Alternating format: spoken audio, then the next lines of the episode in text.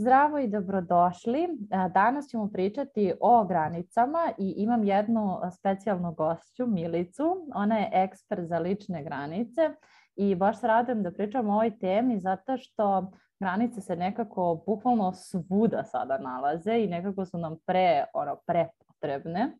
I zašto ova tema? Pa zato što negde svi znamo kako da možda da prepoznamo kada nam neko jel te krši granice u biznisu, ali zapravo se negde problem nastaje kada želimo tu granicu da postavimo. Tako da ćemo danas pričati o tome zašto su granice bitne, kako da postavljamo granice sebi, klijentima, pogotovo kada je u pitanju izgradnja online programa, jer tu negde najviše imamo problema sa prelaska na e, individual, sa individualnog rada na grupni rad, nekako najviše problema tada imamo sa granicama, jer upravo moramo da vodimo grupu i da negde zaštitimo sebe, svoje lično vreme i energiju, tako da se baš radujem da pričamo na ovu temu. Za početak, Milice, hoćeš da nam kažeš par reči o sebi, šta ti trenutno radiš i onda ćemo krenuti sa konkretnim pitanjima. E, pozdrav svima. Ja sam Milica Marković na, na Instagramu pod profilom e, Milica Marković donja crta granice I moja tema je zapravo uh, lične granice za, za preduzetnice.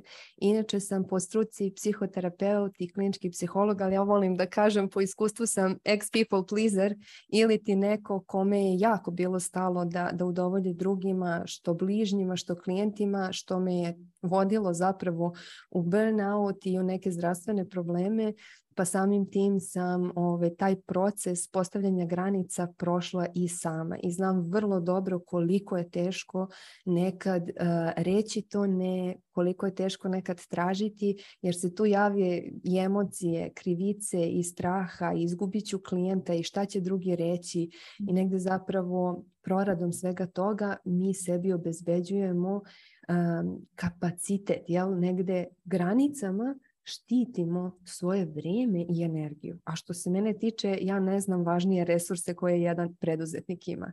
Mm. Jel tako? Bez vremena i bez energije šta ćemo postići? Da, ja mislim da nije najteže samo reći ne, već biti u integritetu sa tim ne. Ili mm. biti ono prosto ok kada postaviš granicu, onako iznutra, ko skroz, meni je to skroz u redu, a opet nekako raditi to u skladu sa sobom, jer nekako evo zašto te granice, možemo od toga da krenemo, e, dosta sam učila o njima i od svojih mentora i nekako dve krajnosti se tu dešavaju, a to je da pokušavamo da budemo neko drugi kada je u pitanju postavljanje granica i onda nekako postavljamo granice koje uopšte nisu u skladu sa nama u smislu, ne znam, meni se dešavalo da onako budem previše možda nekad drčna ili kao, ma neću ovo da trpim, ma ne mogu, znaš kao, u, suštini to nisam bila ja. Na primjer, evo, možemo da uzmemo i odgovaranje na poruke ili to što ja volim da budem u kontaktu sa svojim klijentima i to sam negdje dala sebi dozvolu a, tek nedavno, da kada se završi program, ja zaista želim da čujem gde se moji klijenti nalaze, šta rade, kako su, a, da li sada primenjuju program, jer prosto moj program nije nešto što se primeni samo u tom periodu, nego nešto što se integriše vremenom. I onda nekako u početku sam razmišljala kao da li je to ok, pa znaš kao tu treba da postavim granicu, završio se program, gotovo, ne daj Bože da mi neko traži savet i slično tome. A zapravo sam shvatila da ja ono uživam u tome i da to uopšte ne krši u ovom trenutku mog života, moje granice. Kada mi neko pošalje poruku i kaže, e, imam problem, jer možeš da mi pomogneš, a bio je nekada moj klijent. Ja ću to rado uraditi prosto zato što želim.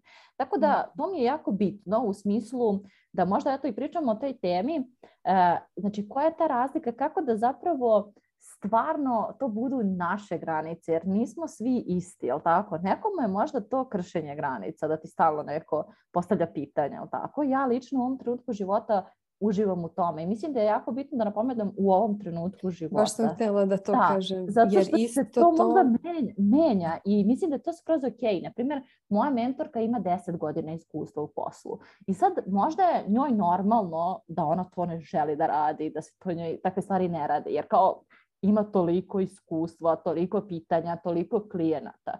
ja imam mnogo manji broj klijenata i u poslu sam mnogo kraće, i meni je zadovoljstvo kada mi neko postavlja pitanje. Pa eto, čisto, ajmo da napravimo tu mm. paralelu zašto su te granice bitne, ali pre svega naše granice i da osetimo šta, gde je ta naša granica zapravo i šta mi mm. želimo da bismo u tom nekom smislu i mogli da vodimo svoj biznis. Jer opet ako taj biznis izgubi identitet i ako se ja ponašam, a nije u skladu sa mnom, to onda po meni nisu zdrave granice. Pa me zanima šta ti misliš na tu temu.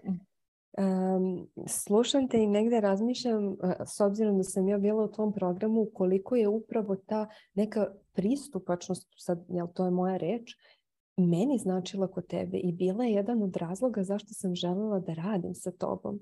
I sad zamisli da ti kreneš da imitiraš nečije tuđe granice koje rade posao za tu osobu. Ti prestaješ da budeš Ivana koja privlači ovakve klijente. Znaš, nekako ti onda ćeš privlačiti drugačije klijente. A pitanje je da li će ti klijenti biti idealni klijenti za tebe ako ti imitiraš nečije tuđe granice, ne odgovaraš na DM-ove, e, na poruke u DM-u ili ne znam, nekako ne odgovaraš starim klijentima. E, negde to je jedan od razloga zašto mislim da je jako važno da naše granice oslikavaju naše unutrašnje biće. I možda je tu dobro mesto da uopšte kažemo šta su granice, jel? Tako je. o, ja volim da to pojednostavim, tako da je moja definicija kojom se vodim granica je iskomunicirana potreba. Pretvaranje onoga što je ispod površine kože u reči.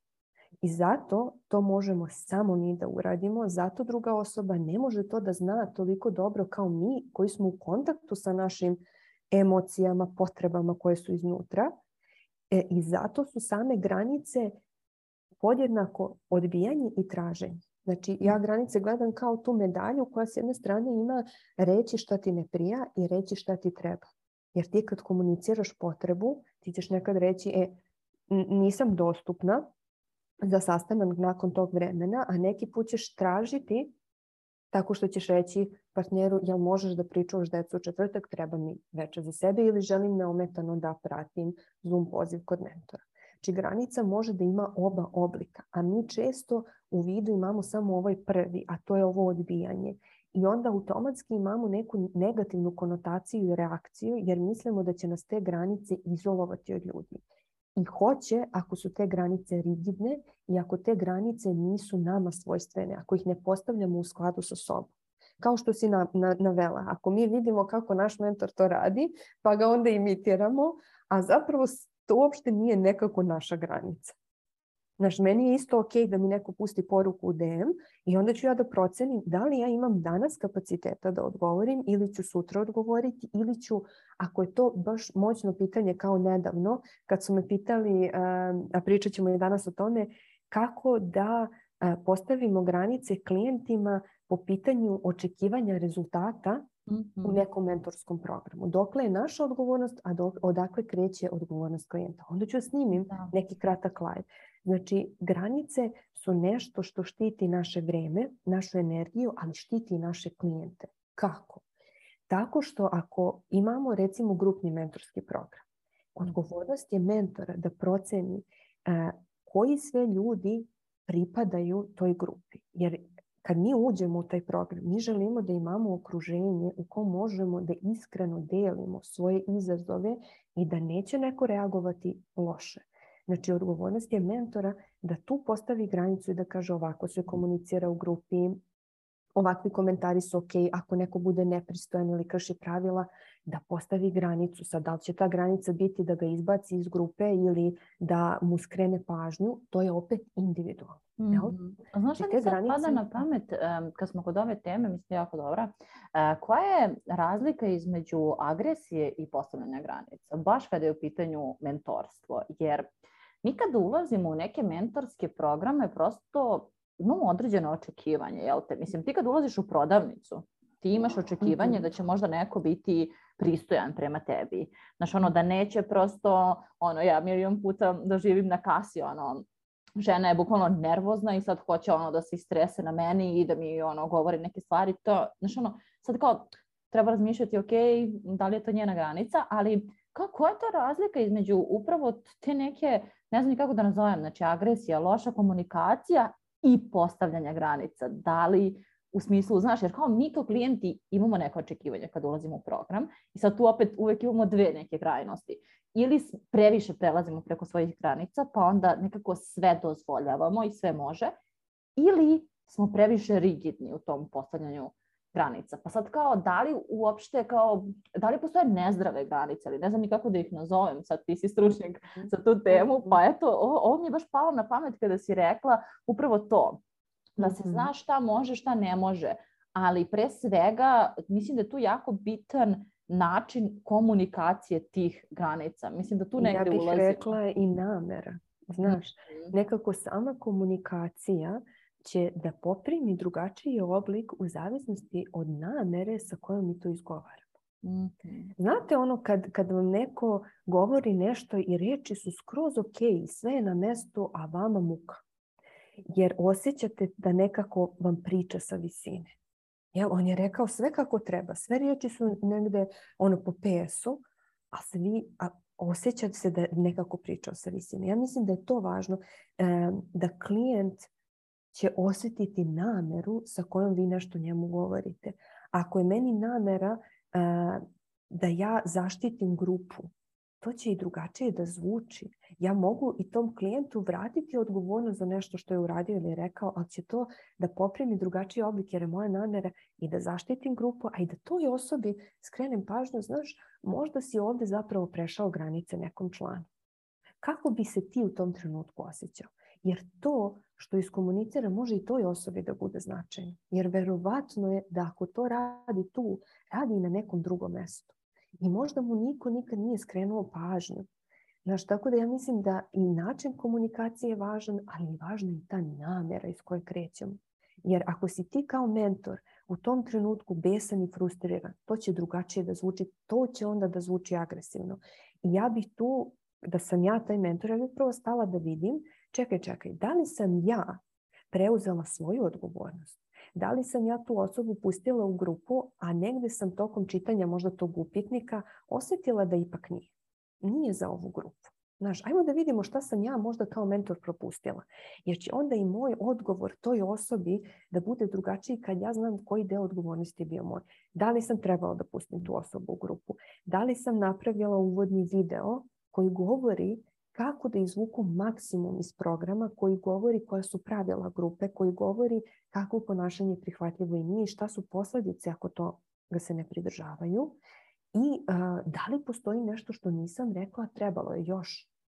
Znaš, Mm. Tako da, jer onda kad mi sami sa sobom preuzmemo tu odgovornost i iskomuniciramo tom klijentu da nešto nije ok uradio, drugačije će zvučati, osoba se neće osjetiti napadnuto, jer smo mi već preuzeli jedan deo i krećemo iz jedne dobre namere. To opet ne znači da je to 100%, je li tako? Možemo mi da imamo dobru da. nameru da se druga strana loše osjeća, ali smo mi time uradili maksimum onoga što mi možemo i što je pod našom kontrolom.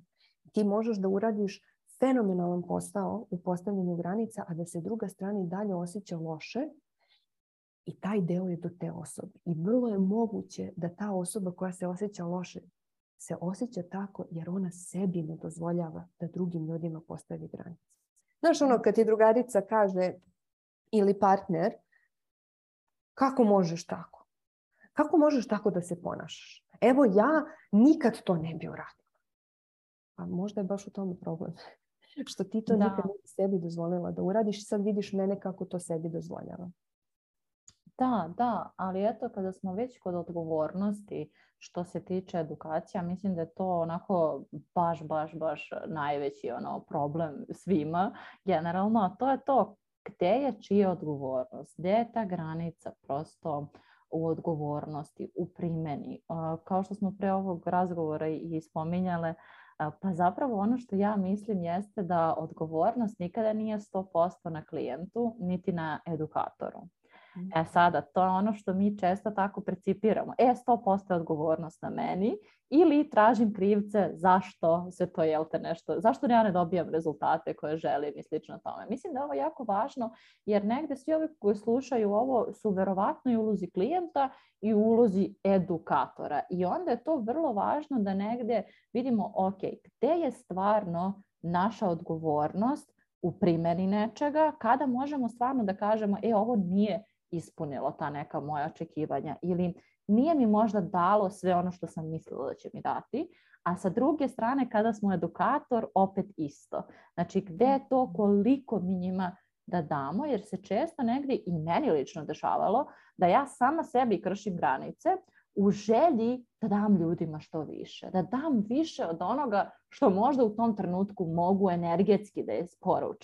Tako da to mi je onako, da kažemo, tu su nam onako dve teme i kada je jako bitno, na primjer, i kada smo mi nezadovoljni u nečijem programu, da tu postavimo granicu i da iskomuniciramo to. E, mhm. stvarno, mislim da ovo nije u redu. I mhm. mislim da i to taj moment, ono, hej, ono, ovo mi se stvarno ne dopada, ovo nije bilo ok. Ja jako volim feedback i mnogo mi je onako stalo, ja kažem ljudima često i kad završimo program, daj molim te ono, ne moraš mi dati feedback samo zarad testimonijala, nego mi stvarno reci šta da unapredim, šta je tebi trebalo. Jel postoji nešto što te, da, ono što ti se nije dopalo i onda, znaš, ono, dobijam kao često neke stvari, e, ovo bi moglo, onda shvatim, wow, da, to bi moglo. Tako da, mm. ovaj, nekako ja sam jako otvorena za feedback i volim to, ali nisam baš primetila da su generalno svi edukatori onako, da ja osjećam tu, tu neku otvorenost za feedback. Tako da me tu negde, ono, ajmo da vidimo gde su naše odgovornosti kada primenjujemo tuđe programe, a gde kada smo mi edukatori. Mm. Šta bi ti e, rekao? Odlično pitanje. E, samo da ne zaboravim. Postoji, postoji jedna stvar vezana za ovo prethodno pitanje koje sam pitala, koje mi je palo na pamet sad dok pričaš. E, ta razlika agresije i, i postavljanja granice. Uticat će na, na to kako ćemo iskomunicirati i to koliko dugo smo čekali da nešto Mhm. I to sa tim garantujem da svi možemo da se povežemo i privatno i poslovno kad nas nešto frustrira, ako sačekamo i kažemo tek za mjesec dana, e, verovatno će da će to izaći kao erupcija iz vulkana, a da smo to uradili na samom početku, zvučalo bi kao razgovor. E sad, zašto mi uopšte ne dozvolimo sebi da to uradimo na startu? Pa zato što nemamo utisak da imamo pravo na to sve kreće od unutrašnje dozvole. I zapravo je to negdje odgovor i na ovo drugo pitanje za odgovornost. Zašto ja sebi ne dajem dozvolu da ovo iskomuniciram? Zašto ne dajem sebi dozvolu da su moje potrebe validne? Da ja imam pravo da kažem kako se osjećam? Bez obzira na to kako će druga strana reagovati. Pa zato što negde preuzimam više odgovornosti nego što je moje preuzimam odgovornosti za tuđu reakciju. Ne želim da ih povredim, hoću da ih zaštitim, hoću da ih spasem, hoću da im pomognem, hoću da im bude super u mom programu, da budu oduševljeni, da bi me preporučili. A oni će to verovatno uraditi svakako, jer ono što smo isporučili je kvalitetno. Ne bi ljudi platili, ne bi ostali tu da im nije kvalitetno, ali negdje mi iz našeg straha reagujemo davanjem prekomereno. I opet je to neka vrsta prelaženja granica klijentu. damo im previše, oni ne stignu da primene i onda se oni osjećaju nedovoljno dobrim jer nisu stigli. I zapravo napravimo sebi samoispunjujuće proročanstvo. Jel? Mhm. Plašimo se da će izaći s negativnim feedbackom, damo im previše, oni ne stignu da primene, osjećaju se loše po tom pitanju i mi smo zapravo potvrdili onu, onu početnu našu pretpostavku. Da, to je ono što, što ja ovaj, stalno pričam sad u posljednje vrijeme, jer to jeste bila jedna, da kažem, greška koju sam ja onako osjetila da sam napravila. I ono što je tu jako bitno, opet kažem, to je to slušanje klijenta. Aha, dobro, sada sam ovo prosto procenila da je možda bilo previše. Ja sam u tom momentu uzela i ljudima ono dala taj neki program koji mogu da koriste još godinu dana. U smislu, evo, ok, možda je ovo bilo previše, ali sada ti ovo dajem da možeš da primenjuješ narednih godinu dana. Tako da mislim da to u smislu da, to ne možemo smatrati ni kao grešku, nego kao prosto taj moment, e, ja stvarno želim da ti postigneš taj rezultat i to toliko želim da možda želim i više od tebe, što kao naravno da nije ok. I onda u tom smislu mi pređemo tu neku granicu i sebi i drugima ali vrlo je onda tu važno da to osvestimo i da kao ok, sada se vraćam nazad i evo šta mogu da uradim po tom pitanju. I mhm. mislim da je, da je tu negde ta priča o odgovornosti. Znači, mhm. jer ja apsolutno kada bukvalno ne znam, ali stalno nekako ispitujem potrebe i svakako i ole želi da mi nešto kaže, znači sigurna sam da ima priliku da to uradi. Znači ono, da, da nekako toliko sam otvorena za to da kao, ok, reci mi šta imaš jer stvarno želim da ti pomognem ako postoji nešto u mom programu. Zašto mi je to stalo? Zato što kada vidim da prosto postoji neki problem, onda ja mogu da preuzmem odgovornost i da taj problem rešim. Prosto da vidim šta mogu da uradim po tom pitanju, šta mogu možda nešto... I da proveriš da li je do tebe. Tako je, i da proverim da li je do mene, ali svejedno da ono kao vidimo Uvažiš, ok, kako da, da prosto nađemo u smislu taj neki kompromis na tom putu. Ali mm. ono što kažem, često se negdje i meni dešavalo da ne osjećam tu otvorenost edukatora. Znači kao da prosto nema toga, e, bitno mi je tvoje mišljenje o programu. E sad tu je ono opet, da li su to lične granice, da li je to ono, nekako opet radimo sa ljudima, mislim to je jako bitno da razumemo. Znači što kaže ono i, i ta kasirka mislim u Maksiju koja mi je ono nadrndana i sve to, negde verujem da ima odgovornost da radi zaista sa ljudima, znači ne radiš sa robotima koji dođu, kupe tu nešto i doviđenja prijatno. Tako isto i mi negde, da kažem, to je sada mo, moja strana priče, koja mi je negde jako važna da negde ono kao iskomuniciramo potrebe, jer kao što si rekla, granice su potrebe. Mhm. ono, šta je tvoja potreba, a šta je moja potreba? Jer tako možemo onda da nađemo neki sklad. Tako da u tom smislu... Negde, znaš, aha. ovo što si pomenula, da negde ostavljaš prostora da ti klijent kaže. Mm-hmm. Ako imaš, na primjer, mentora koji te to nije pitao, ti možeš da podeliš svoj feedback, ali to može da bude onda i prelaženje granice, jer ta osoba te nije mm-hmm. pitala za feedback. Ti možeš, na primjer, da prevaziđeš, da kažem, tu nekako taj izazov time što ćeš pustiti poruku i reći e, imam feedback, jesi zainteresovana da čuješ. Mm-hmm. Da, Znaš, to, do da. tebe je da proveriš da li ta druga strana želi da ti otvori vrata. Jer šta je poenta? Granice nisu zidovi, nego su granice zapravo a, vrata koja ti možeš da otvoriš i da zatvoriš i da biraš ko će da uđe i ko neće da uđe. Ali ti imaš mogućnost da neko uđe, imaš mogućnost da neko izađe. Znači nisu one tvrđave koje su nekako neprobojne. Znači ti, mm. ako ti mentor nije, što jeste njegova odgovornost, da bude dostupan da čuje feedback. Ako on to ne bira, to je mm. njegova potreba, to je njegova želja. A ti kao njegov klijent možeš imati potrebu da mu taj feedback iskomuniciraš. Mm. I onda to jedno pitanje koje je stvarno onako jednostavno, ali jako znači i znači i u privatnim odnosima. Znaš, ono, hoćeš da kažeš nešto prijatelju ili partneru. Ako ta osoba nije spremna da te čuje, to neće leći na dobro mesto. Ako da. ti pitaš, e, imam nešto da ti kažem, jel bih hteo da čuješ? Ta osoba kaže, joj, nemoj, molim te, umoran sam, došla sam s posla. Nemoj, jer ako mm. kažeš, neće te čuti. Da, Neće ovo, ništa ovo je fenomenalno. Baš sam ovaj, čula negde, kaže savjet koji ti niko nije tražio je zlostavljanje. I to mi je bilo fenomenalno zato što kao da, zaista jeste. I baš zato ja nikada ono ne upućujem savjet ljudima prosto koji niti su moji klijenti, niti su mi to tražili. I uvijek čak i svojim klijentima koji više ono ne rade u tom trenutku sa mnom, ja ih pitam, e kao, je li ti okej okay da ti kao dam ono feedback na to? I on kaže kao, e, jeste, okej, okay, mi je kao jedva čekam. Znaš, zato što mi je jako važno upravo to da poštujem nečije granice i da ne savjetujem tek tako nekoga, jer nije svako otvoren za savjet. Možda neko želi da radi kako se njemu radi. nema snage da ga nema primeni. Kapacitet. Znaš, zamisli ti dođeš nekom i, e, mogu negde i da potvrdim da definitivno to radiš kao tvoj klijent, znam i sećam se te situacije i hvala ti na tom feedbacku, ali ja se sećam i u kom trenutku je taj feedback došao. Ja sam videla tvoju poruku kao, e, jel hoćeš da čuješ? Ja sam onda stala, proverila, dobro, nemam pojma šta ćeš da mi kažeš, jer ja imam kapaciteta da te čujem. I onda sam procenjala, ok, imam. Da nisam imala, ja bih ti rekla, e, aj sutra ili ajde preko sutra. Zašto? Zato što ako mi ti podeliš nešto što je ultra vredno, a stvarno svaki feedback je poklon, a ja, meni su pune ruke, ja ne mogu taj poklon da uzmem. Mm. Znaš, Tako je.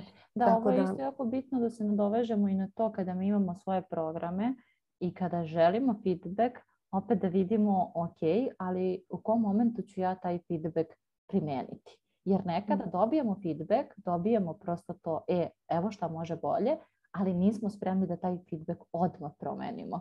Znači ja znam po sebi mnoge stvari koje sam dobijala kao feedback, stavila sam onako sa strane i kao ok, da, ali ne sada trenutno. Nemam još kapaciteta A neki možda nećeš ni želiti da uvažiš. Je, zamisli da ti neko kaže treba da radiš isključivo individualno, a ti želiš da Mhm. radiš grupne programe. A ti možeš da probaš da čuješ potrebu iza tih reči. Zašto ta osoba želi individualni program? Čega nije bilo dovoljno? I onda to da uvrstiš bez da pređeš na individualni program. Apsolutno, slažem se.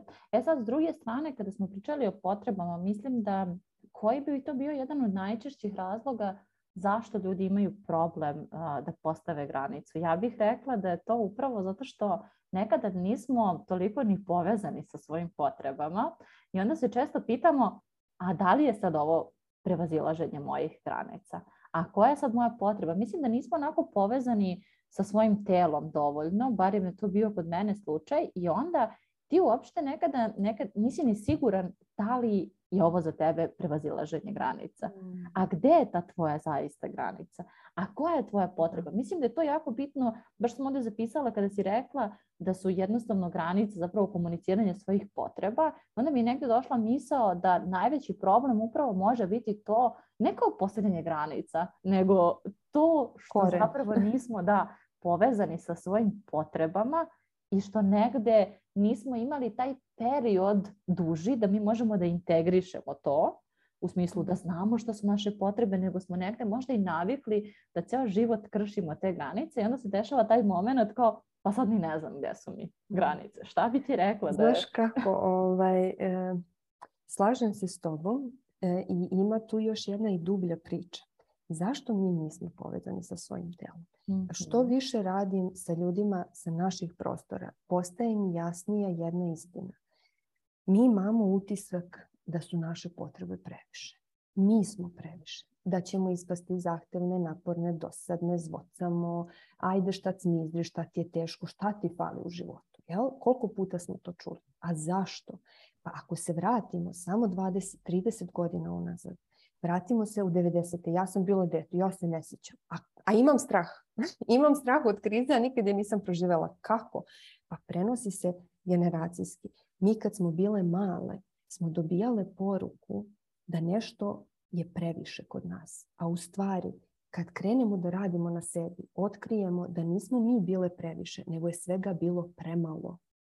I to je mnogo važno da znamo, jer odatle će da dođe dozvola da iskomuniciramo svoje potrebe. To što sam ja nekad nekom bila previše, jer nisu imali, jer, im, jer je možda mojim roditeljima bilo lakše da kažem, e, ne, izvoljevaš, mnogo si bre razmažena, nego da stanu i da kažu, sine, nemamo. Nemamo, jer bi to izazvalo jako veliku krivicu kod njih. I onda je, pri tom ovo ne govorim da bih ikog optuživala, nego da razumemo, jer kad razumemo možemo da menjamo. Znači, to je negde u korenu. Neka iskustva nekad iz prošlosti gde naše potrebe su bile odbačene jer neko nije imao snage ili kapaciteta za njih. I mi odrastemo s tim i onda dan danas kad hoćemo nešto da tražimo mi uvedimo sebe ma ne treba ti to. Ma bit će sve ok. Neću sad ništa reći, bit će valjda sve dobro. Naravno da neće. Jer mislim, ako problem postoji, on neće nestati samo od sebe. Jer potreba, ako vi imate neku potrebu, ona neće nestati dok se ti za nju ne postaraš. Kao kad si gladna. Ako ti si gladna i sebe uveđuješ da nisi gladna, ti ne postaješ ništa manje gladna. Samo si sve više gladna i onog trenutka kad sedneš da jedeš, imat ćeš onako napad, nekako poješćeš sve što vidiš pred sobom. I bit će ti muka posle. Da. Znači, naša potreba neće nestati dok mi nešto s njom ne uradimo. A zapravo se odaljimo od svog tela, što si ti rekla, i Mhm. nismo povezani sa njim, jer smo nekad davno naučili da to što mi osjećamo nema mesta u tom odnosu, da je to previše. I Mhm. oduzimamo sebi te mogućnosti kad odrastemo. To je naravno nesvesno. Niko ne sedne na stolicu i kaže, e sad ću ja sebe da sabotiram. znači, to niko ne radi namerno. I zato postoje dve vrste granica. Pitala si me ovaj, na početku. Mhm. Znači, postoje te preventivne i postoje te korektivne. Preventivne postavljaš zato što znaš da će ti nešto smetati. Znaš da nećeš da radiš u 9 uveče. jer si probala nekad i nije ti prijalo. A Mm. korektivne postavljaš tek kad iskusiš nešto. Znači, ako ti nešto ne znaš, ti to ne možeš da, da promeniš. Naprimjer, izbacuješ prvi mentorski program. Ti ćeš znati neke granice da postaviš, a neki ćeš otkriti usput i postavljat ćeš ih korektivno. Znači, kad se vratimo sad opet na onu priču o odgovornosti. Ako si ti mentor, ti si odgovorna za materijale, ti si odgovorna za okruženje koje daješ klijentu i ti si odgovorna za proces. Da ako klijent uradi zaista od A do Š sve, da dobije rezultat. Ali ti nisi odgovorna da li će taj klijent da uradi sve od A do Š. Znači, Mhm. kako će onda primjeni to što mu ti pričaš je do njega. Ja volim da kažem svojim klijentima ja sam tu 100% i ja ću dati sebi i 150%, ali ja ne mogu da, da ti pomognem da napraviš rezultat ako ti ne daješ 100% sebe u primjenu, u svojoj svakodnevici. Znaš, nemoj da meni bude više stalo da ti primeniš nego tebi. Tako da eto, to, to ti je jedan onako baš dugo odgovor na to pitanje zašto nam je teško. Mhm. Znači, neka iskustva iz prošlosti plus taj osjećaj neprijatnosti i neugode i krivice i straha u trenutku kad mi postavljamo granicu, jer izlazimo iz okvira onoga što mislimo da bi trebali da radimo kao dobar stručnjak, kao dobar prijatelj, kao dobar partner, kao dobar čovjek u krajnjoj liniji. Jel? Ako ja mislim da je dobar čovjek neko ko je tu za druge ljude, ja sebi neću dati za pravo da kažem e, ne mogu da te prevezem do aerodroma. Da, i mislim da tu postoji još jedna stvar, a to je da kada u poslu zapravo pokušavamo da ispunimo neke potrebe koje nemamo u svom privatnom životu. I onda upravo tu ne dajemo sebi dozvolu da postavimo granice, da budemo to što jesmo i da dozvolimo da se izrazimo, zato što nekako smo a, sve potrebe fokusirali u taj posao, jel te? Imam potrebu za prihvatanjem, imam potrebu, jel te, za pohvalama, imam potrebu da se dopadnem ljudima, da me neko voli, da me, jel tako, da ljudi vole moj program, da dobijaju rezultate, da sam, jel te, pohvaljena, jel tako, da se, da se Mhm. osjećam kao da ja doprinosim i to su sve tako neke potrebe koje, jel te, mislim, svi ljudi imaju i onda se dešava da mi zapravo to često tražimo u poslu i da nekako e, samo u poslu to, te potrebe zadovoljavamo. Pogotovo kada razvijemo jel te, svoj biznis i onda imamo jel te, i uneli smo i emocije u to i jako nas to onako vozi, imamo strast prema tome što radimo i to se konkretno meni dešavalo dugo vremena da sam nekako sve svoje potrebe fokusirala na posao. I šta se dešava? Pa ti onda želiš da zadovoljiš svoje potrebe, što je normalno, ali nije ispravno samo to zadovoljavati u poslu. Odnosno, znaš kao, ni- nije klijent... Ne treba klijenti da te vole. Tako je, ne treba klijenti da te vole, već da dobiju rezultat. I to je, to, je to, to upravo. Zašto negde mislim da ljudi ne mogu da postave granicu ako tu negde zadovoljavaju svoje strasti samo u poslu, a postoji toliko identiteta negde koje mi imamo, znači nije to samo Mhm. identitet preduzetnice. Znači to je Ali ono... ako tebi ne ostane vremena, znaš, Tako ako je. ti sebi ne postaviš granice koliko radiš, ti nemaš vremena nakon tog posla da se ostvariš u drugim ulogama i da se tu osjetiš cenjeno, poštovano, voljeno, jer si se ti već toliko dala u posao i istrošila da nemaš Mhm. snage za ovo privatno. I Mhm. to je onako negde opet začarani krug. Znaš, ako je. ne zadovoljavaš te potrebe van posla, ti probaš da ih zadovoljiš u poslu. Onda Mhm. toliko radiš da ni ne stižeš da ih zadovoljiš van posla. Tako i tu dolazimo do onog granice postavljanja sebi i upravo mislim da i tu negde ono, mislim kao sve teme se negde vrte oko granica, ali šta je ta granica koju postavljamo sebi? To je ono što sam naučila u poslednje vreme, da negde baš onako osetim kada je moj raspored sada ono na maksimumu. Znaš, ono, to je to. I onda sećam se i kad smo se dogovarali za ovaj podcast, negde sam osetila, e, sad trenutno onako, baš se nekako osjećam ne znam, nekako a, malaksalo, kao mogla bih da uradim ovaj podcast, ali bolje da ga ne uradim, jer kao ne- neće to biti to. Neću baš onako biti u toj nekoj energiji i kao hajde da ga pomerimo. I tačno sam počela da pratim onako svoje telo, Mhm. da postavljam sebi kad mi neko, na primjer, sada me pita, e, hoćeš da radimo, ne znam, live? Ja kažem da, ali u septembru. Zato mhm. što sada osjećam da u avgustu već toliko stvari imam. Iako možda nisu u mom kalendaru, ja ih negdje imam ono kao na glavi. primjer, ajmo da ga iskoristimo. Kako osjetiš u svom telu, koji mhm. signali ti kažu, e, sad recimo. Uh, pa to mi je jako teško da, da ti odgovorim na to pitanje. Uh, ne znam, ne znam da ti odgovorim, ali zapravo ono osjetim kao samo ok, ne želim da se pretrpam. Znači to mi je ono mm. kao ne želim da se pretrpam, znam šta, šta mi je fokus. Znači više nekako ja imam onako jasno određene svoje ciljeve u glavi za taj mjesec i to ono mm. što, što učim ljude na programu. Znači znam šta nam je cilj ovog mjeseca i nemamo mnogo negdje ono kao prostora da kao radimo neke druge stvari. Zašto? Zato što ako bismo se pretrpali, šta sad znači za mene pretrpanost? Znači da radim više od 4 sata dnevno, da ono radim gotovo 8 sati ili 12. Znači to je za mene sada prosto ne.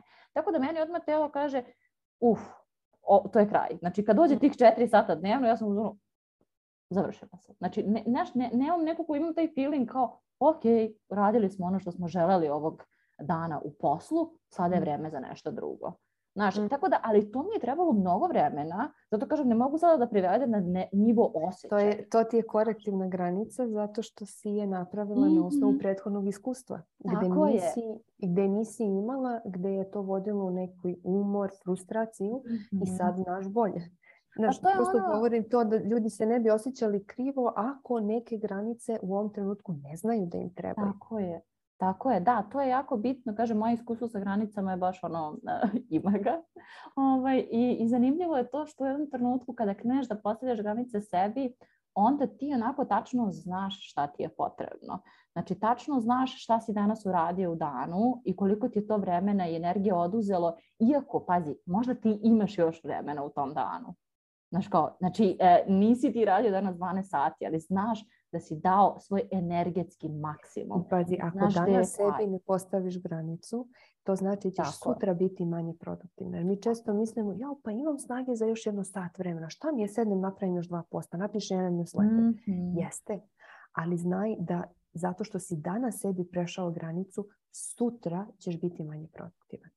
Jer mhm. ti si ista osoba i danas i sutra i preko I zato baš to planiranje na nivou mjeseca i na nivou sedmice je mnogo dobro jer ono što danas ne stigneš ti možeš da pomeriš za neki drugi dan da vidiš gdje ćeš da uklopiš. Da nijednog dana nemaš sad ne znam da ne kršiš sebi zapravo, zapravo granice. Jer će mm. se to odraziti na neki od narednih dana. Tako je i onda se dešava ta frustracija zapravo i nezadovoljstvo ako mi u toku dana ne uradimo baš ništa što je mm. ono negde za nas. Ja volim da kažem ništa da ne nahranimo te ostale identitete sebe. Jer kao, mhm. e, da, apsolutno, mislim, kažem, ljudi koji imaju veliku strast prema poslu, prema ome što rade, da je taj identitet preduzetnice onako dosta jak, ali tu postoji drugi identitet i šta je ono što, sve što ti želiš. Tako da nekada je nama ok da radimo sad, ceo čekaj, dan. Tu si rekla jednu važnu stvar. Mm-hmm. Ali zamisli sad situaciju, pošto je ovo isto pričam iz iskustva, mm-hmm. da ti ostali identiteti. Šta ako se u njima ne osjećaš ostvareno? Šta ako u njima ne postavljaš dobro granice i bežiš u posao jer se u poslu osjećaš dobro? Mm-hmm. Jer zato, znaš, negdje moj profil, onako, ja pričam na profilu o grani, biznis granicama za preduzetnice. Onda me nekad ljudi pitaju, dobro, što sad pričaš, ne znam, o insulinskoj ili o partnerskim odnosima? Pa zato što si ti jedna. ti si, te, mhm. tebi je preduzetništvo jedan aspekt života, ali ti si u isto vrijeme i majka, i sestra, i partnerka, i prijateljica. I svi ti delovi tebe su u tebi. I ako ti nisi zadovoljna jednim aspektom života, to se preliva i na druge. Ti bežiš onda u posao tih neugodnih emocija. Ako ti nemaš mhm. podršku partnera, ti ćeš je tražiti u klijentima možda. Ako ne osjećaš prihvatanje među prijateljima, tebi će biti teško klijentima da postaviš granice jer tu dobiješ pripadnost. I tako da zapravo sve se to sam rekla, mi svoje potrebe koje nemamo tražimo nekada u poslu i onda imamo problem da postavimo granice tako klijentima. Jer negdje kažem... nešto važno onda. Tako je, kada smo zadovoljni svojim životom, kada smo stvarno ispunjeni, onda nemamo problem da nas neko odbije. Nemamo problem da se ne dopadnemo. Nemamo problem da prosto neko kaže ne. Ili da ti neko otprati i kaže, jo Bože, kakav ti ovaj sadržaj. Ili kao, znaš, ono, to su sve neke stvari kao nemam, nemam problem da, da se nekome ne svidim. I tu kad uh, to nekako integrišemo u sebi, onda je mnogo lakše da iskomuniciramo tu granicu i kažemo ne, ti nisi klijent za mene. Znači onda osjećamo tu sigurnost u sebi, osjećamo to poverenje u sebe. Tako da mislim da to, to sve kreće, znaš, da bismo to mogli, mi negde potreban je taj osjećaj vrednosti, da se ja osjećam dovoljno dobrom ovakva kakva sam. I to je negde kroz, kroz program koji sam imala, videla sam to kao srž. Zapravo, onog trenutka kad se mi osjećamo dovoljno dobrim ovakve kakve smo, mi nemamo problem ni da odbijemo, ni da tražimo, ni da stavimo cijenu mentorskog programa. Jer šta je suština? Mi smo tokom odrastanja dobili jako puno poruka od našeg okruženja, ne samo roditelja, vršnjaka, učiteljice, kakvi treba da budemo da bismo zasluživali ljubav, prihvatanje, podršku, između ostalog i uspeh, i kakvi ne treba da budemo ali smo svi mi ujedno i um, odgovorni, a nekad i neodgovorni, i vredni, nekad i lenji, i sebični i nesebični. I onda kad prihvatimo i te druge delove sebe, ja mogu da kažem, pa ok, ja jesam nekad zahtevna i to je ok, moj partner Tako. to mene i dalje bira, onda ja nemam problem kad neko kaže ne, ne, ti si previše zahtevna i od. Mm. Jesam. Znaš, ne može to da iskoristi protiv mene kad sam ja prihvatila taj deo sebe. Mm. Zato mislim da je to, to srž negde kad se mi osjećamo dovoljno vredni, baš ovakvi kakvi smo, a ne neka buduća verzija nas koja ima još pet diploma i ne znam koliko klijenata i koja je onako ispolirana ili, ili savršena. Mm-hmm. Da, mislim da upravo kažem, ja mnogo volim da idem u tu dubinu kada je ono sve u pitanju mm-hmm. i nekako tako posmatram i prodaju. Da zapravo prodaje samo posljedica onoga šta ti radiš, kako se osjećaš, iz koje energije to radiš. Zato kažem da ono granice jesu tema, ali one nekako ja ih doživljavam samo posljedicu mog mhm. nekog ličnog rasta, rada na sebi, samo prihvatanja i mislim da je to ključno u smislu da prenesemo ljudima zato što se negde čini onako, ima dosta priče o granicama i kao nije sve u tome da ti samo kažeš ne, ja to ne mm. želim ili ovo nije u skladu sa mnom, nego više opet kažem da ti to osjećaš, da ti to dugoročno možeš da radiš i da vežbaš. Jer pazi, ako si ti svestan da će ti biti neprijatno i milion puta u životu ti je bilo neprijatno, pogotovo ako se vojiš preduzetništvom, ti ćeš onda reći, ok, sada ću da postavim granicu, bit će mi neprijatno i suočit ću se sa tom neprijatnošću. Znaš kao, skroz je ok. I to je to opet, mm. dosta se tema onako prepliče i vera u sebe i posljednje granica klijentima i nekako, zato kažem, to je samo posljedica tog nekog unutrašnjeg rasta i ti sama znaš koliko je to duboka tema, kao što si rekla, mm-hmm. i koliko je zapravo važna za žene u preduzetnicu, preduzetnice, jer e, ovo je ono gdje imaju najviše problema kada krenu da se bave jel te, e, online programom i slično tome, jer onda se tu negde e, dolazi do toga e, ne mogu da kontrolišem kada neko uđe u moj program, ne mogu da mhm. kontrolišem da li će neko primeniti moj program ili ne. Dok kroz individualni jedan na jedan rad ti negde možeš da ispratiš osobu, možeš da ispratiš njen progres i da negde joj brže pomogneš možda da napravi rezultat. Ili, znaš, kao drugačija atmosfera. Jer u suštini kada je online program u pitanju, osoba više preuzima odgovornost za te, jel, te rezultate i šta će zapravo da primeni. Tako da možemo da se vratimo na to. Pa si, znaš, nekako i, I to, sa što si pomenula, imam zapravo samo da vidim tri mhm. stvari koje sam htjela da, da kažem, baš sam me inspirisala. Um, Čak i da osoba, na primjer, u tom trenutku ne primeni onoliko koliko su neki drugi ljudi primenili u tom mm. programu. To ne znači da neće za šest mjeseci kad bude imala više kapaciteta. Jer zavisi i kako mi sad to merimo. U stvari, u kom vremenskom periodu očekujemo rezultat. Sad će skoro, ovaj, ja mislim da će u četvrtak ići uh, jedan newsletter. Ko nije, uh, nek se prijavi newsletter jer sam baš o ovoj temi pričala. Uh, imate kod mene link na, na profilu. Šta se desi? Mi postanemo nestrpljivi. E, postanemo nestrpljivi jer očekujemo rezultat u nekom vremenskom periodu. Tvoj klijent možda napravi taj rezultat nakon programa. Možda je ušao u trenutku zato što ti sad imaš otvoren upis, ali nije imao snage da sve to primeni jer mu se brda stvari dešava, jer nije postavio granice u privatnom životu. Jel? Pa mu energija odlazi tamo. A u stvari, mislim to sad i za, i za klijente i za edukatore. Ja volim da koristim ovu metaforu, a vidjet ćete i u newsletteru ovaj, u četvrtak. To je kao da praviš gibanicu.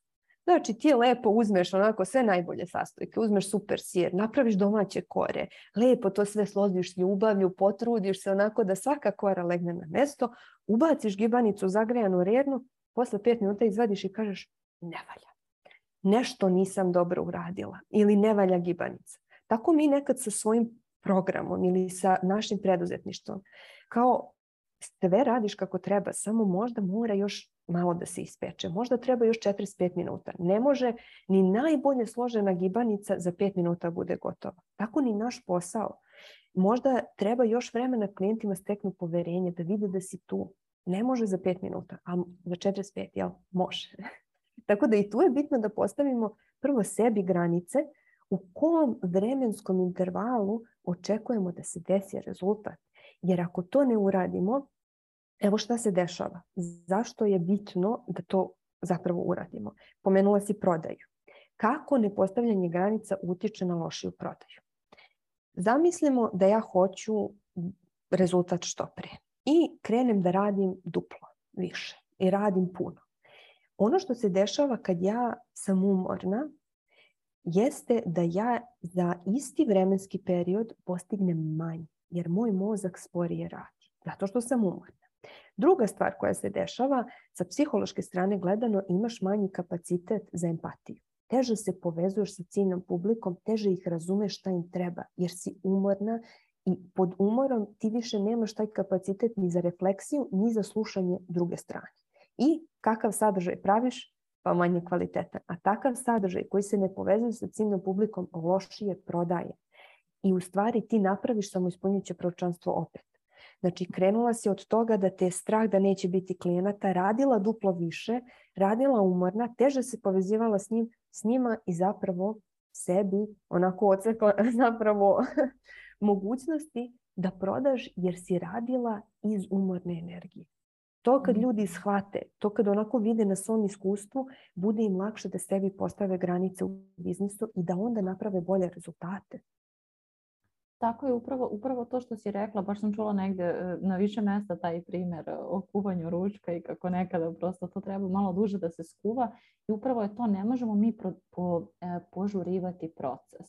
Znači, proces je tu, ono, postoji i zna se prosto koliko je vremena potrebno da se nešto desi i upravo je to moja tema, znači prodajni mm. levak. Nije to samo edukativni sadržaj, nije to samo Emilica, ajde reci mi par caka kako da postavim granice i ja ću da ti verujem nego je to istinsko povezivanje sa tobom kao edukatorom. Zato ja negde sam onako, sada totalno je postalo i deo, deo mog identiteta da budem ranjiva i uvek posle takve nekog webinara ili podcasta ja razmišljam koliko sam ja stvari ono rekla o sebi koje su kao, e ovde sam grešila, ovo sam uradila, ovo...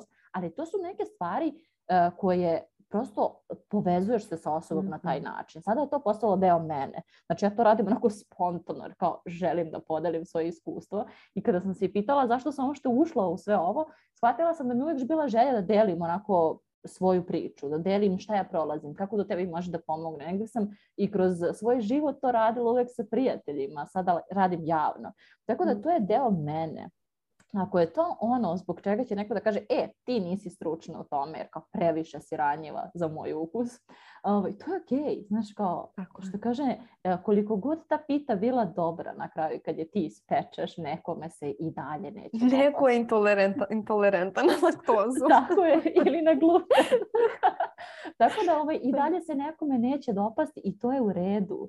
Znači ono mhm. kao, to je skroz ok. E zato onda kada mi o svim ovim stvarima o kojima smo već i pričali, kada budemo u skladu sa tim, mi onda možemo sebi da damo dozvolu da budemo ranjivi. Možemo da damo sebi dozvolu da zapravo sačekamo a, taj neki ono rezultat koji će mm -hmm. svakako doći. Jer baš sam nedavno izvini, pričala sa drugaricom kako, na primjer, i avion kada poleće, puno mu treba snage da bi poleteo. Znači, onako, dugačka je ta pista. Međutim, kada poleti, to je ono, mhm. Kada te ljudi prepoznaju. Znači ti kada poletiš, to je moment kad kažu wow, vidi ovu Milicu šta radi, kako, misli ono kako je uspela preko noći, to je obično kao mm -hmm. rečenica, a ta, Milica tipa ima 500 objava na Instagramu, mislim, razumeš? Mm -hmm. E, to je taj ono paradoks, ljudi nas primete tek i smo... ko zna koliko iskustva van tog, znaš, negde. Tako je. Tako je, ali to je ono što hoću da negde ja poručim ljudima da suštinski jako je bitno tu da budemo negde otvoreni za taj proces, jer neće uvijek biti prijatan taj proces i nije uvijek prijatno kada možda nemamo klijente uopšte ili kada ih nemamo onoliko koliko želimo u tom trenutku, ali prosto ako nastaviš ti klijenti će doći. Ako tačno znaš ko je za tebe, a ko nije, jer mi negde to i osjećamo ko jeste za nas, a ko nije. I pričala si na početku da je naša odgovornost ako prosto primimo klijenta, a znamo da možda on nije za to. S tim da se razumemo, mislim, kad sam bila mlađani terapeut i tek počinjala, ja nisam znala ko je za mene. Tako je. Veruj mi, primila sam neke klijente za koje ja nisam bila najbolji meč, ali ja tad nisam znala za koga mhm. sam. Ja sam to morala kroz iskustvo da naučim. I onda je tu stvar Znači ja tu nisam mogla postaviti preventivnu granicu jer ja ne znam ko je za mene. Mm. Ali onda kad krenemo da radimo ja prepoznam da bi tu bio, na primjer, bolji neki kolega koji ima baš iskustva s tom temom. I mm. onda postaviš korektivnu granicu i kažeš, e, vidi, meni se čini i da bi tebi bilo mnogo bolje i da bi to... I ljudi to cene. Jer ti to ne radiš da bi se nekog otarasio, nego zato što znaš da bi stvarno toj osobi bilo bolje. I da je i za njega bolje i za tebe. I onda se ti posvetiš nekom ko je za tebe dobar meč. Ali ne možemo to da znamo unapred. Jel? Mislim da je to bitno da kažemo za neke ovaj, preduzetnike koji tek počinju. To ćemo kroz iskustvo. I mislim da to je isto ok. Znači, skroz je ok da primiš nekoga ko možda nema kapacitet, jer nekada mi se dešavalo da na prvu loptu mislim, uf, nije ova osoba za mm. mene. Ali ne šteta ta osoba želi da radi sa mnom, ja kao ok, primit ću je. I baš mi se prosto desi kao o, osoba je sjajna za ovaj program, kao vidi kako je sve primenila i ovo je pomoglo. Znači, prosto nekada ono, taj neki uh, prvi utisak ume da nas zavara i da kao mislimo, e, ovo uopšte osoba nije za nas, a da jeste. Tako da je uvek ono, nekako dam priliku i budem u zonu ok da pogrešim. Znači kao skroz je ok da neko ne bude za to, da u suštini na kraju krajeva i vratim taj novac nekome ako baš vidim da mu prosto ovo ne pomaže, da je sve uradio i da to nije za njega, znači skroz sam ok da vratim nekome novac. I to je negde ono granica.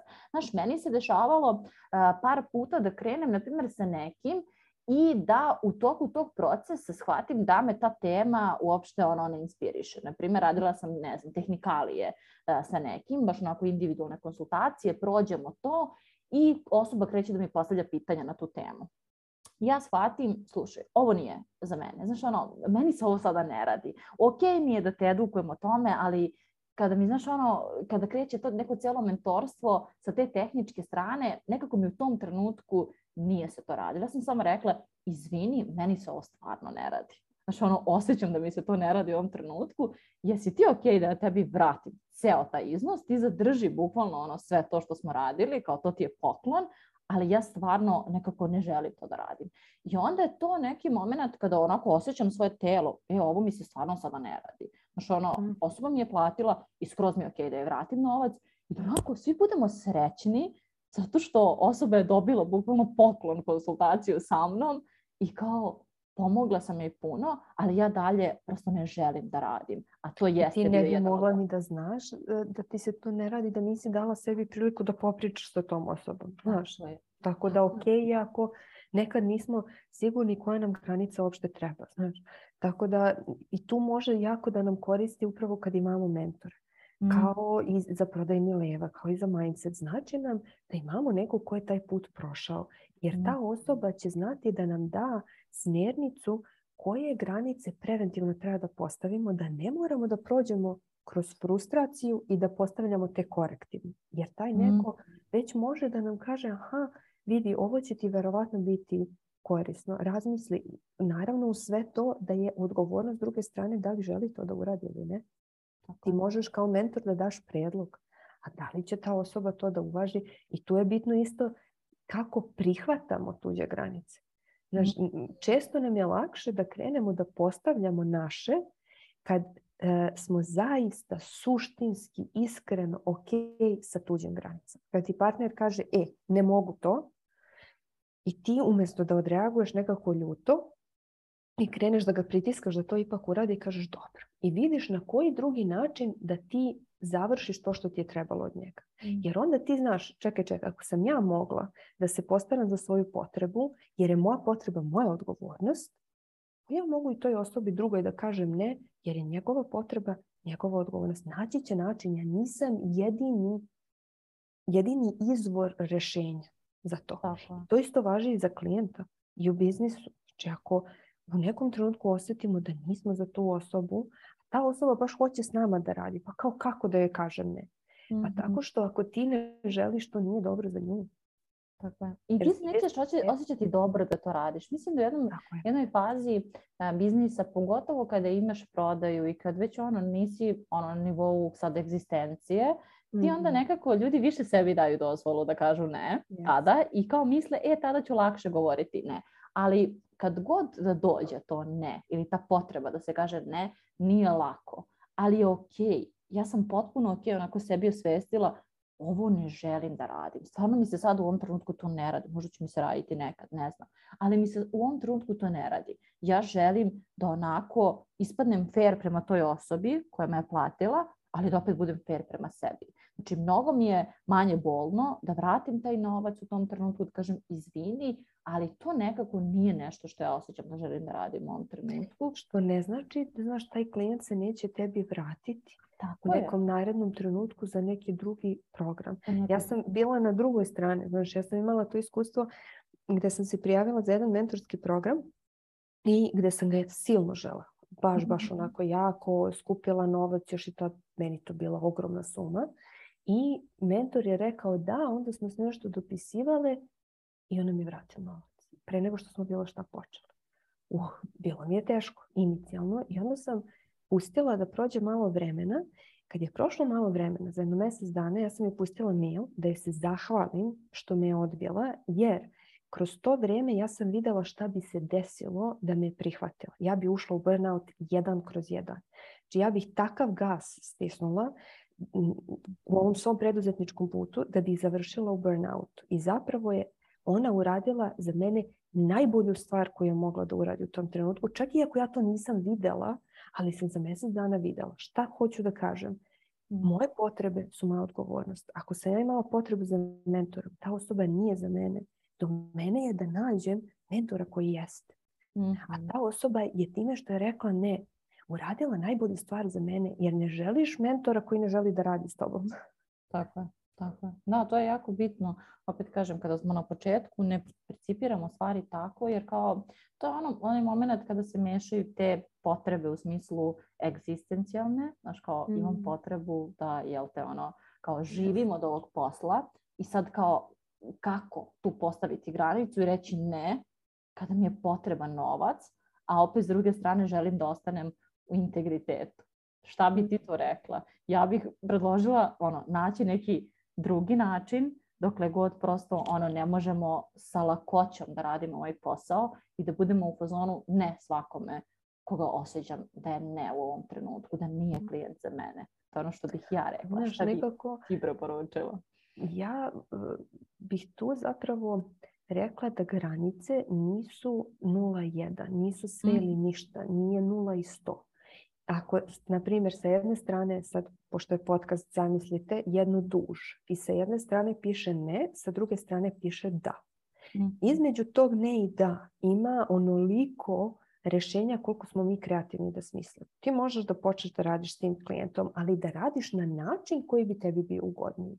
Da s njim radiš jedan dan u sedmici. Da uz njega uzmeš nekog ko te baš inspiriše. Ako je ta osoba recimo neko ko te plaća jako dobro, uzmeš nekog ko te plaća manje, ali te jako inspiriše. Mislim sad, ono, lupam ideje, ali šta je poenta? Poenta je kako mi tome pristupimo. To ne mora da bude sve ili ništa.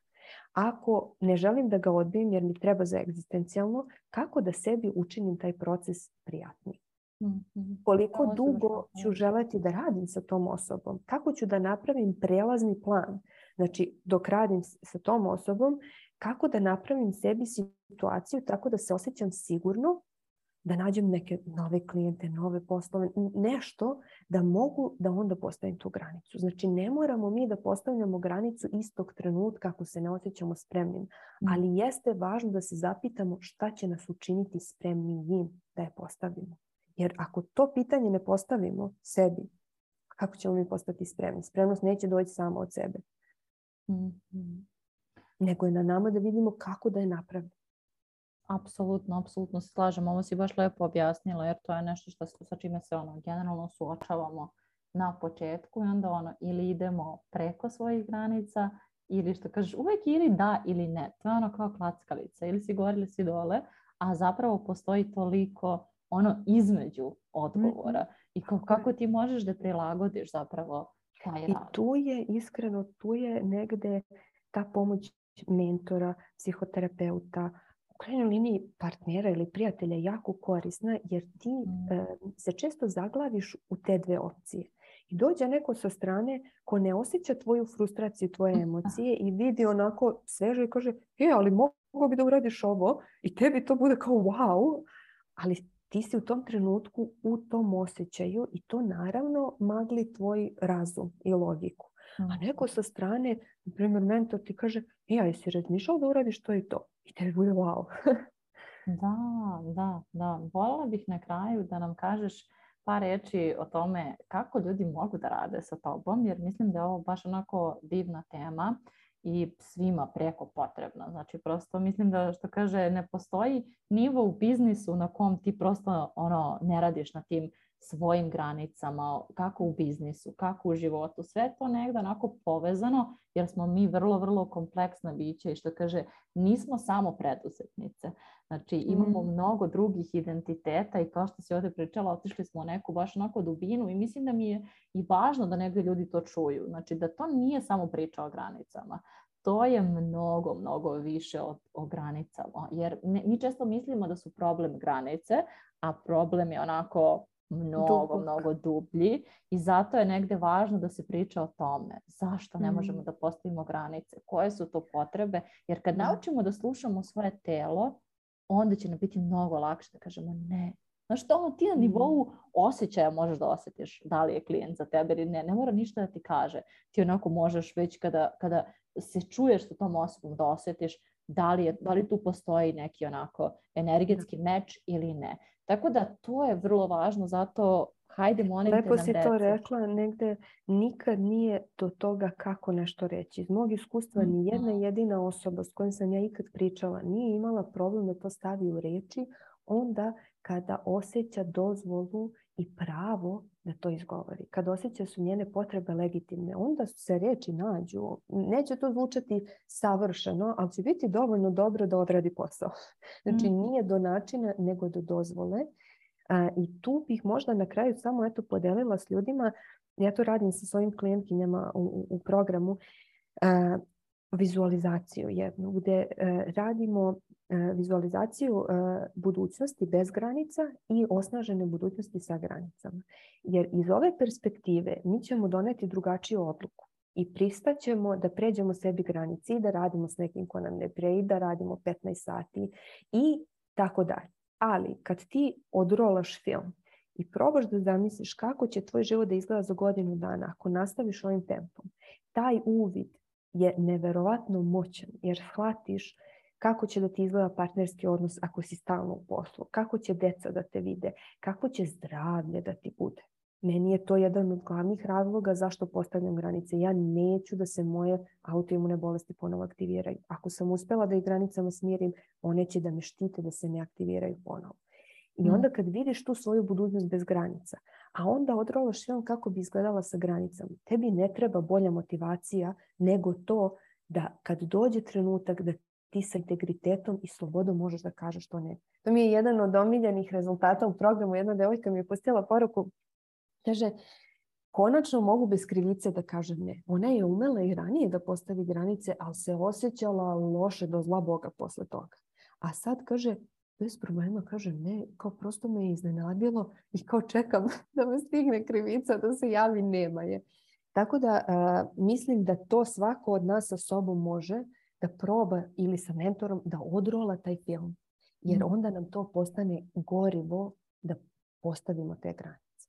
A što se tiče toga kako mogu da, da rade sa mnom, na jesen ću imati a, program koji je trenutno ovaj, u kreiranju, tako da pratite, pratite objave, vidjet ćete kad bude linkove dole u opisu ovog podcasta, tako da možete da zapratite Milicu, da zapratite njen newsletter pa da čitate šta sve to ona interesantno ima. Meni se jako dopada kako obrađuješ sve ove teme, tako da baš onako se vidi da, da prosto imaš iskustva sa tim i da si negde sve to, osim te neke stručnosti, onako prošla i na svojoj koži. Tako da to je ono što je jako važno. Prošla, završila s dve autoimune bolesti. Doktorirala granice. Doktorirala. ovaj, tako da sad... E, znaš, to je bio moj razlog. Svako od nas ima neki. Često je mamama to što ne žele da daju loš primjer deci. Jer deca gledaju. Tako da... Tako da hvala, hvala svima na slušanju. Nadam se da vam je ova epizoda korisna. Biće još prilike da pričamo o tome jer ovo je jedna onako meni barem duboka tema koja nije povezana samo sa jel te posledicom, odnosno granicama, već onako ima mnogo, mnogo dublji, dublji smisao i tiče se naših potreba. Tako da hvala ti Milicu još jednom što si nam pokazala i dala ovako razne savete i tehnike i vežbice koje ćemo verujem primenjivati i onda moći da još bolje što kaže postavljamo te granice još sa lakoćem. To. Hvala tebi na pozivu i družimo se i dalje. Hvala, čao.